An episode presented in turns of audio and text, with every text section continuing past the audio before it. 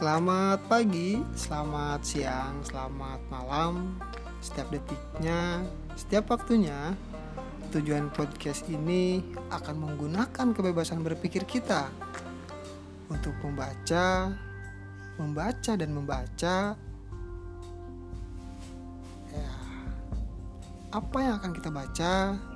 Tentunya jangan pernah membaca aku ya. Selanjutnya, mari kita pantau terus podcast ini dengan rasa penasaran. Selamat mendengar sambil bersantai dengan penuh rasa senang, bahagia dan nikmat.